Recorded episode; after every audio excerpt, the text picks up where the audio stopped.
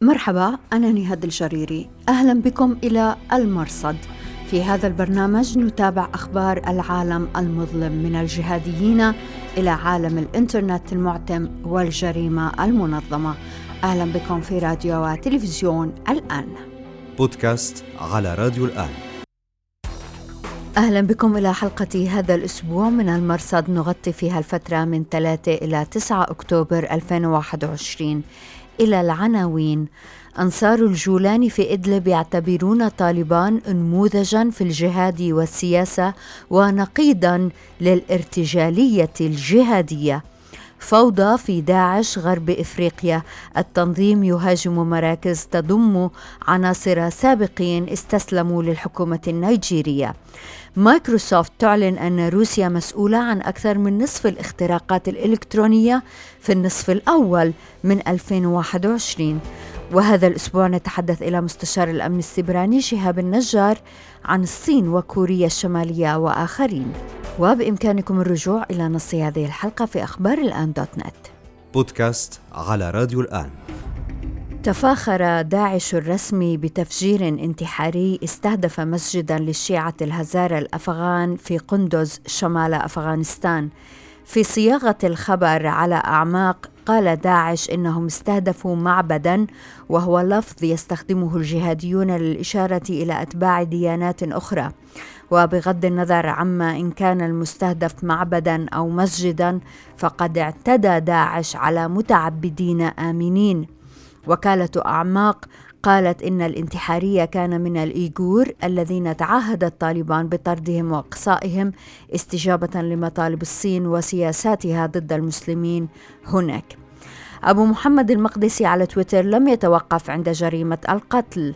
ما همه هو أن داعش يخرب دولة طالبان ويفتعلون ما سيعطي مبررا لدول الجوار للتدخل فيها.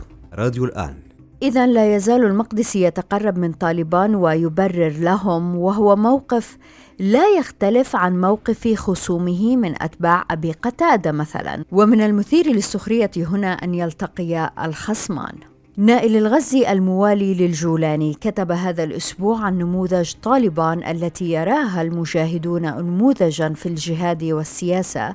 ومن قبيل ذلك أنهم لم يصدروا بيانا ضد باكستان رغم أن باكستان ساهمت بشكل كبير في إسقاط طالبان كما يقول. وهذا حقيقة كلام غير دقيق. تناسى الغزي أن رئيس الاستخبارات الباكستانية كان في كابول بعد أسبوعين من سيطرة طالبان على العاصمة الأفغانية وقد لعب الرجل دورا في إخراج حكومة طالبان المؤقتة إلى الضوء. المهم في كلام الغزي قوله أن طالبان تشكل نموذج الجهادية يقابل النموذج الآخر الذي يطلق عليه اسم الارتجالية الجهادية. ما فعلته طالبان في أفغانستان أظهر فشل القاعدة. فهل تهجر الجماعات القاعدية نهج ابن لادن وتتبع نهج اخ زاده علامة سؤال.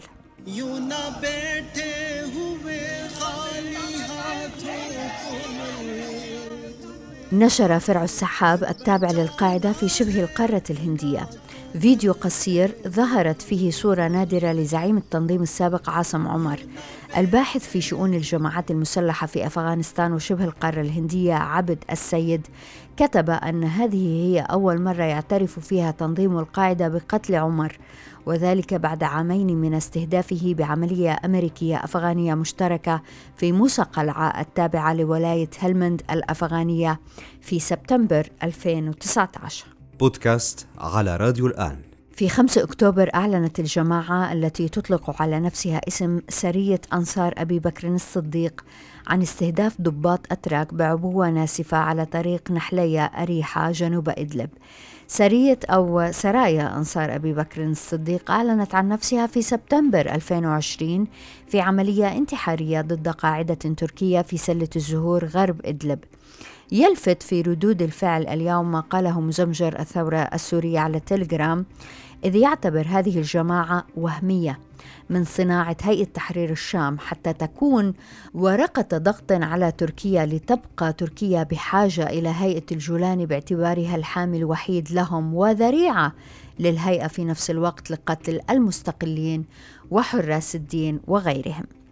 ومنطق مزمجر في هذا هو أن العدو الأول للمستقلين وحراس الدين والدواعش هم أمنيو الهيئة وعليه لو كان هناك خلايا لرأيتم كل يوم يقتل أمير من الهيئة. تناقل المعارضون في إدلب أن بضائع إيرانية تجتاح أسواق المدينة. المحامي عصام الخطيب المعارض لهيئة تحرير الشام علق على التليجرام وقال إن حكومة الجولاني في 2018 منعت البضائع الإيرانية وها هي في 2021 تغرق إدلب بهذه البضائع ويستنتج أن المافيا التي تحكم المنطقة ازداد نفوذها واستحكامها. نشر حساب رد عدوان البغاء المعارض لهيئة تحرير الشام تحت عنوان صراع المافيات أن مظهر الويس وعبد الرحيم عطون تنافسا على القضاء في الهيئة. فقام الجولاني بإقصاء الطرفين وتعيين عديله وابن خالته أبي ماجد الشامي مسؤولا عن كل المناصب القضائية في الهيئة وبهذا يصبح لأبي ماجد صلاحيات تفوق صلاحيات وزير العدل في حكومة الإنقاذ. بعد أن حاول أمنيو هيئة تحرير الشام السيطرة على أحد مقرات مسلم الشيشاني أبي الوليد في جبل التركمان أصدرت جماعة الشيشاني جنود الشام بيانا توضح فيه ما حدث. يقول الشيشاني إن ملثمين تابعين للهيئة دخلوا منزلا اشتراه هو في وقت سابق وكانوا يعلمون يقينا أن المنزل للشيشاني. استحكموا في المنزل إلى أن أخرجهم بالحسنى مقاتلون مناصرون للشيشاني. وعندما ذهب بعض هؤلاء المناصرين إلى مقر الهيئة في الساحل لمعرفة سبب دخول آه، هؤلاء الملثمين المقر. قال قادة الهيئة إنهم لم يعرفوا أن المنزل كان لمسلم. على صفحة عصام الخطيب المعارض تعليق يقول سوف يكررون أي الهيئة هذه التصرفات حتى ينفعل واحد من شباب مسلم ويطلق النار ثم سيبكون ويقولون إن المهاجرين والمجاهدين بغاة ويقتلون الأخوة ويكفرونهم ويحشدون عليهم ويقاتلونهم. تحت عنوان عام التطبيع مع النظام الكيماوي كتب مجمجر الثورة السورية عن قرار الانتربول منظمة الشرطة الجنائية الدولية رفع الحظر عن النظام السوري بإعادته إلى قائمة الاتصال أو قائمة البريد إن صح التعبير أي أن النظام سيكون قادرا الآن على أن يرسل ويستقبل رسائل من وإلى المنظمة الدولية. المشكلة هنا هي أن النظام قد يستفيد من التحذيرات أو التنبيهات التي تصدرها المنظمة ضد عناصر النظام الملاحقين في قضايا قتل وتعذيب يرفعها ضدهم السوريون في بلاد العالم. بودكاست على راديو الآن.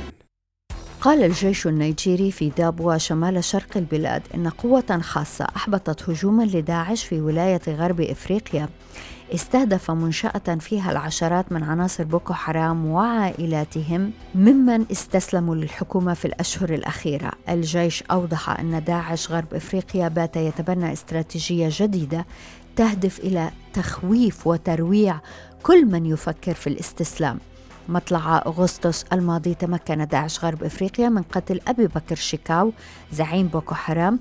بعد هذا فشل التنظيم في دمج أعضاء الجماعة السابقين والآلاف منهم فضلوا تسليم أنفسهم إلى السلطات النيجيرية. بودكاست على راديو الآن. وحركة طالبان وعلى رأسهم أمير المؤمنين الشيخ هبة الله أخنزادة. بهذا النصر العظيم. نشرت مؤسسة الملاحم الذراع الإعلامية لتنظيم القاعدة في اليمن فيديو لخبيب السوداني إبراهيم القوصي بعنوان رسالة إلى الشعب الأمريكي لم تفهموا الدرس بعد. القوصي بارك لطالبان ما فعلوه في أفغانستان وتوعد أمريكا بهجمات. لا جديد في كل ما قاله الرجل والغريب أن الرجل ظهر في هذه الرسالة التي تبارك لطالبان التي يعتبرونها صاحبة الولاية عليهم. لم يظهر زعيم التنظيم خالد باطرفي مثلا. على كل حال قبل هذا الفيديو نشرت قاعدة اليمن كتابا توضح فيه سياستها للعناصر الجدد وتؤكد ارتباطها بطالبان. قاعدة اليمن اليوم تمر في أسوأ أحوالها مع تشتت قادتها واختفائهم وتشتت الولاءات بين الجيش اليمني والحوثيين. بودكاست على راديو الآن. في أخبار العالم الافتراضي المظلم اخترق هاكر خدمة تويتش للبث المرئي التابعة لأمازون. تضمن هذا اختراق بيانات الدفع للمشتركين في خدمة الفيديو واختراق ال source code أو أصل برمجة التطبيق ومعلومات عن برامج ومنتجات لم تطلقها أمازون بعد للجمهور. أمازون اشترت تويتش في 2014 مقابل مليار دولار. اعتقلت القوات الأوكرانية هاكر اخترق أكثر من 100 شركة أجنبية وتسبب في خسائر تقدر ب 150 مليون دولار. الهاكر استخدم هجمات الفيشينج الاصطياد وبرمجيات اختطاف تسمح بالتحكم بالحواسيب عن بعد.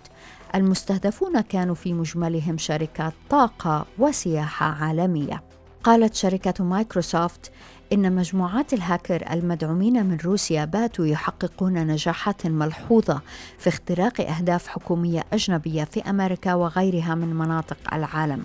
حتى يونيو الماضي شكلت المؤسسات التي اخترقتها جماعات تساندها موسكو أكثر من 50% من مجمل الاختراقات في العالم مقارنة ب 3% فقط في العام الماضي كله في المرتبة الثانية حلت الجماعات التي تساندها كوريا الشمالية بنسبة 23% والتي تساندها إيران 11% حلت ثالثا ثم التي تساندها الصين بنسبة 8% إلى ذلك قالت شركة جوجل إن مجموعة الهاكر الروسية التي تدخلت في انتخابات 2016 الأمريكية أرسلت في نهاية سبتمبر حوالي 14 ألف إيميل مشبوه إلى موظفين حكوميين وصحفيين وعاملين في مؤسسات أمنية في مختلف أنحاء العالم يستخدمون الجيميل.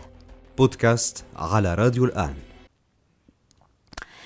إذا عن الجرائم الإلكترونية والإرهاب الإلكتروني نرحب هذا الأسبوع بالأستاذ شهاب النجار وهو مستشار أمن سبراني لدى عديد الجهات الحكومية والخاصة ويقود فرقا معنية بالأمن السبراني حول العالم ومن ذلك تعيينه عام 2016 على رأس لجنة لمكافحة الإرهاب السبراني في أوروبا. آه، مش سهل أستاذ شهاب نحكي أسماء الجهات اللي بتشتغل فيها لأنه جزء من عملك بيعتمد على السرية. نعم بالضبط بالضبط صحيح. يعني أشارك أنا مع مع المهتمين بمجالي اللي هو المسموح لي إني أشارك فيه. شكرا جزيلا أستاذ شاب لوجودك معنا في البرنامج. لي تسلمي من الأخبار اللي دائما بتتكرر معنا في البرنامج هو أنه الصين تدير فرق وجماعات هاكر وشبكات تنصت ومراقبة معقدة بتتجاوز حدودها إلى بقية دول العالم مثل التقارير التي نقرأها عن تورط هواتف خواوي بالتنصت على الإيغور اللاجئين في العالم مثلا كيف يحدث هذا؟ نعم بالبداية موضوع الصين آه عزيزتي نهاد بالنسبة لموضوع الرقابة والتجسس والتنصت يعني الصين معروفة منذ سنوات طويلة بموضوع التنصت ومراقبة المواطنين والمقيمين حتى والزوار والسياح للصين. فهذا صراحة بالنسبة لي يعني وحتى للمختصين في هذا المجال هو ليس أمر جديد والصين هي تستهدف الجميع ليس فقط الإيغور وإنما تستهدف الجميع منذ سنوات طويلة وتستخدم تقنية الذكاء الاصطناعي وخاصية التعرف على الوجوه ال face recognition في يعني لدرجة أنهم قادرين على معرفة الحالة الشخصية لهذا الشخص الذي يمشي في الشارع أو أو يشتري بعض الأمور لبيته من من السوبر ماركت. يعني يعرفوا حالته إذا هو حزين اليوم إذا هو مبسوط. لهذه الدرجات هي درجات متقدمة جدا يعني لاحظناها من خلال السوليوشنز أو الحلول الأمنية المتقدمة التي ابتكرتها الصين أو الشركات الصينية واعتمدتها وطبقتها الحكومة الصينية إن كانت على مستوى الشوارع أو أو الأماكن الحساسة مثل السجون أماكن وجود الجهات الحكومية، أماكن وجود الأجهزة الأمنية والمطارات أيضا. فكل هذه المعلومات التي يتم جمعها نهاد يتم تخزينها في آه، خوادم طبعا تابعة للصين. وبنفس الوقت لكل إنسان مقيم أو يعيش أو مواطن صيني موجود في الصين له بروفايل كيف يعني بروفايلاتنا على الفيسبوك؟ حياتنا ونشاطاتنا وما نحب وما نكره وإلى أين نذهب و كل هذه التفاصيل يعني يعني تفاصيل يومنا يتم تخزينها يعني هذه هو الطبق من ذهب لفيسبوك وهذه هي المعلومات التي لها القيمة لفيسبوك. فال يعني دعينا ما ما ما نجمع الموضوعين مع بعض فيسبوك والصين لكن هي الموضوع ان لكل شخص يتواجد داخل الصين هناك profile. هذا ال profile فيه معلومات الشخص إلى أين يذهب نوع سيارته رقم السيارة. يعني على مستوى الرقابة على أرقام السيارات. إذا مثلا سيارة مثلا بدأت بحادث معين إذا شخص ما بدأ بشجار مع شخص آخر الكاميرات الذكية لديهم بإمكانها تحليل ومعرفة من بدأ الشجار. يعني لهذه لهذا الحد من التفاصيل أما بالنسبة للايغور وغيرها من من مجموعات كانت موجودة في الصين آه، صراحة هو كما ذكرت هو ليس موضوع جديد وإنما لا يستهدفون فقط الايغور وإنما يستهدفون الجميع لكن التركيز بالأكثر على هذه المجموعة. أستاذ شاب كوريا الشمالية هي بلد آخر بيتكرر اسمه كثيرا في الأخبار اختراق مصانع شركات كبرى بنوك سرقة حسابات لتمويل مشاريع مشبوهة. مرة أخرى كيف ممكن تشرح لنا نحن الجمهور العاديين كيف تتم هذه الأمور؟ نعم. لهذا الآن نحن نتحدث عن اختراقات يعني نوعا ما بعيدة عن الأفراد. قبل سنوات سابقة كنا نسمع عن شخص ما اخترق حساب فيسبوك. آه، جهة آه، تم اختراق حسابها مثلا على التويتر أو على باقي ال social media accounts أو المنصات التواصل الاجتماعي المختلفة. لكن الآن عالمنا الحالي مثل ما تفضلتي نحن نعيش في عالم ال digital. عالم كل شيء انتقل حتى للذكاء الاصطناعي. يعني في بعض الدول انتقلت بشكل يعني نوعا ما 50% أو 60% إلى استخدام الذكاء الاصطناعي في كافة الأمور الحياتيه. فالان نتحدث عن جهات تهاجم جهات أخرى وليس فقط الأفراد، الأفراد ما زالت الهجمات الإلكترونية اللي هي المتعارف عليها مثل الاصطياد والاحتيال الإلكتروني والهندسة الاجتماعية وغيرها من الهجمات الإلكترونية التي ما زال لحد هذه اللحظة يتعرض لها الأفراد. لكن لما نتحدث إحنا عن كوريا مثلا ولا الصين ولا روسيا ولا إيران ولا هذه الدول اللي هي آه، جندت جيوش إلكترونية لحماية يعني هذه الهدف الرئيسي هو حماية الأمن القومي لهذه الدول. يعني مثلا الجيش الإلكتروني أو أو الجيش يسمى cyber warfare اللي هو المسؤول عن الحرب السيبرانيه أو حرب أمن المعلومات هذه أصبحت يعني منهجية تستخدمها الدول كدرع إلكتروني أو جيش إلكتروني يدافع ويهاجم بنفس الوقت عن آه، آه، البلد التي قد تحاول أو الدولة التي تحاول الهجوم على دولة أخرى. فهذا طبعا شاهدناه أيضا في الانتخابات الأمريكية والكثير من الحوادث التي حدثت حول العالم بخصوص هذا الموضوع، لكن عندما نتحدث نهاد عن موضوع كوريا وموضوع إيران والتهديد ليس فقط أو الثريت ليس فقط من كوريا وإنما هناك دول قوية جدا بالامن السيبراني. وهذا يعني كان دافعا لظهور مجموعات مجهولة المصدر. وهذه هذه المجموعات إنها تسمى باللغة الإنجليزية ال APT ال APT باللغة الإنجليزية هي اختصارا لل advanced persistent threat وباللغة العربية عندما نترجم هذا المصطلح للغة العربية نسميه إحنا الهجمات المتقدمة المستمرة. لماذا سميت هذه أو البرمجيات الخبيثة التي تعتمد على الهجوم المتقدم والمستمر؟ وهذا للأسف يعني منذ سنوات طويلة جدا والكثير من الجهات المجهولة تستخدم هذا النوع من الهجمات لاستهداف والهجوم على مركز حيوي أو جهة حكومية أو جهة أمنية في إن كانت بلد عربي أو حتى بلد أجنبي.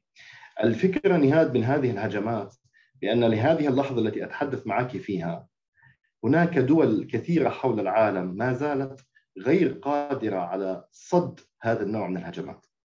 لأن هذا النوع يستخدم مثل ما يعني ذكرت سابقا اللي هو الهجمات المتقدمة التي من الصعب التعرف على نوع هذا الهجوم ومن يقف خلف هذا الهجوم. لذلك هذه المجموعات ليست موجودة فقط في كوريا وإنما هناك تقارير كثيرة دولية من بينها تقارير آه، آه، عبرت عنها أو كتبت عنها أيضا شركة آه، كاسبرسكي وفاير آي والكثير من الشركات العالمية التي تحدثت عن هذا الموضوع.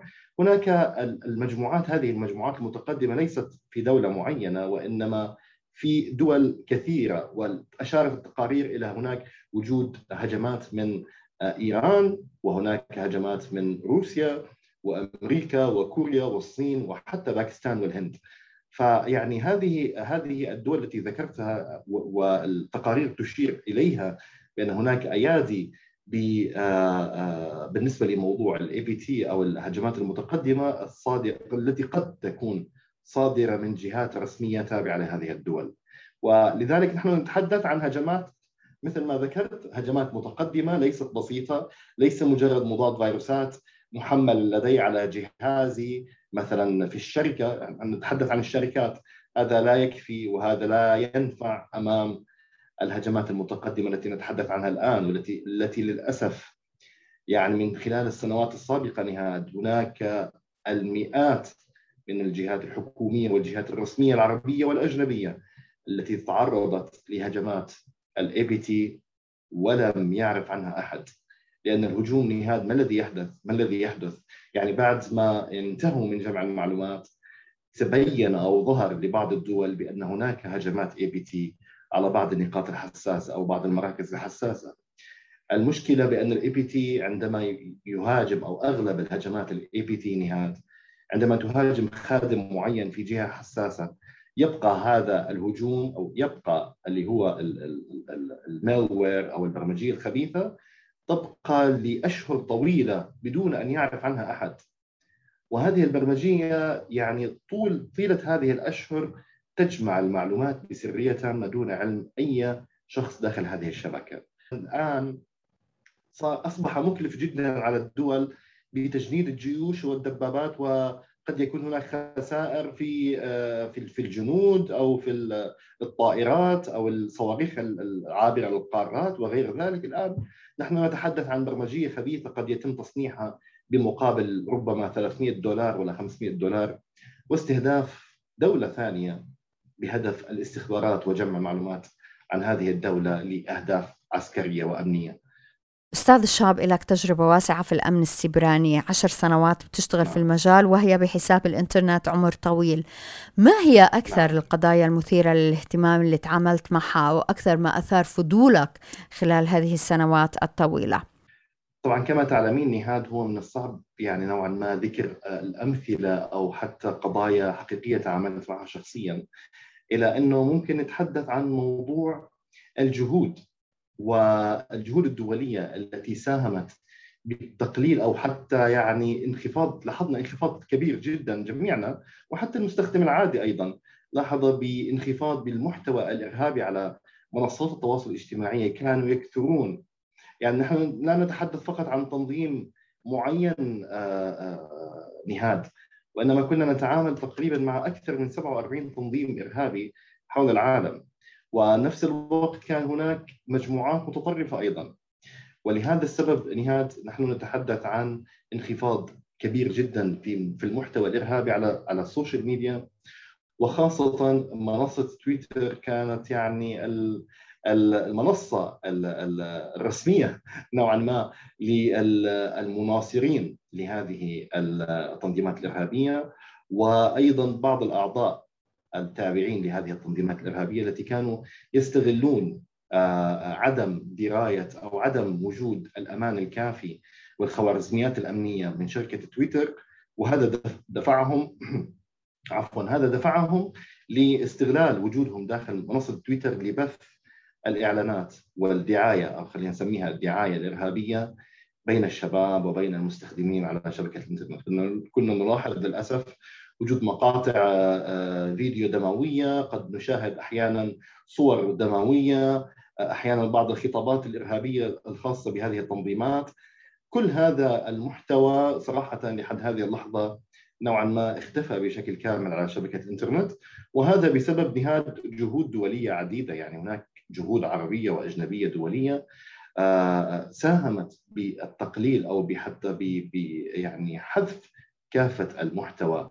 اللي تابع لهذه التنظيمات الإرهابية. وكما ذكرت أنا لا اتحدث عن تنظيم واحد يعني هناك العديد أو عشرات من التنظيمات التي كانت متواجدة ليست فقط على منصات التواصل الاجتماعي وإنما أيضا كانوا يتواجدون في الإنترنت المظلم أو ال dark net نهاد وأيضا كانوا يستخدمون بعض التطبيقات التي لم تكن متوفرة بالمستخدمين من خلال جوجل بلاي أو آه، متجر أبل أو غيرها من المتاجر. وانما كانوا يصممون كان يعني لديهم بعض التطبيقات الدردشة الخاصة بهم والتي تشبه نوعا ما تليجرام التي تستخدم التشفير حيث كان لديهم يتوفر لديهم آه، المختصين في تكنولوجيا المعلومات والأمن السيبراني والتشفير. ولهذا السبب لاحظنا وجود بعض التطبيقات المشفرة التي كانوا يستخدمونها في حال تم حذف حساباتهم أو آه، المحتوى الخاص بهم على منصات التواصل الاجتماعي. فهذا بنفس الوقت اللي يعني اللي بنشوفه إحنا مميز صراحة اللي هي على مستوى الجهود اللي تم بذلها للوصول لهذه المرحلة اللي إحنا فيها حاليا.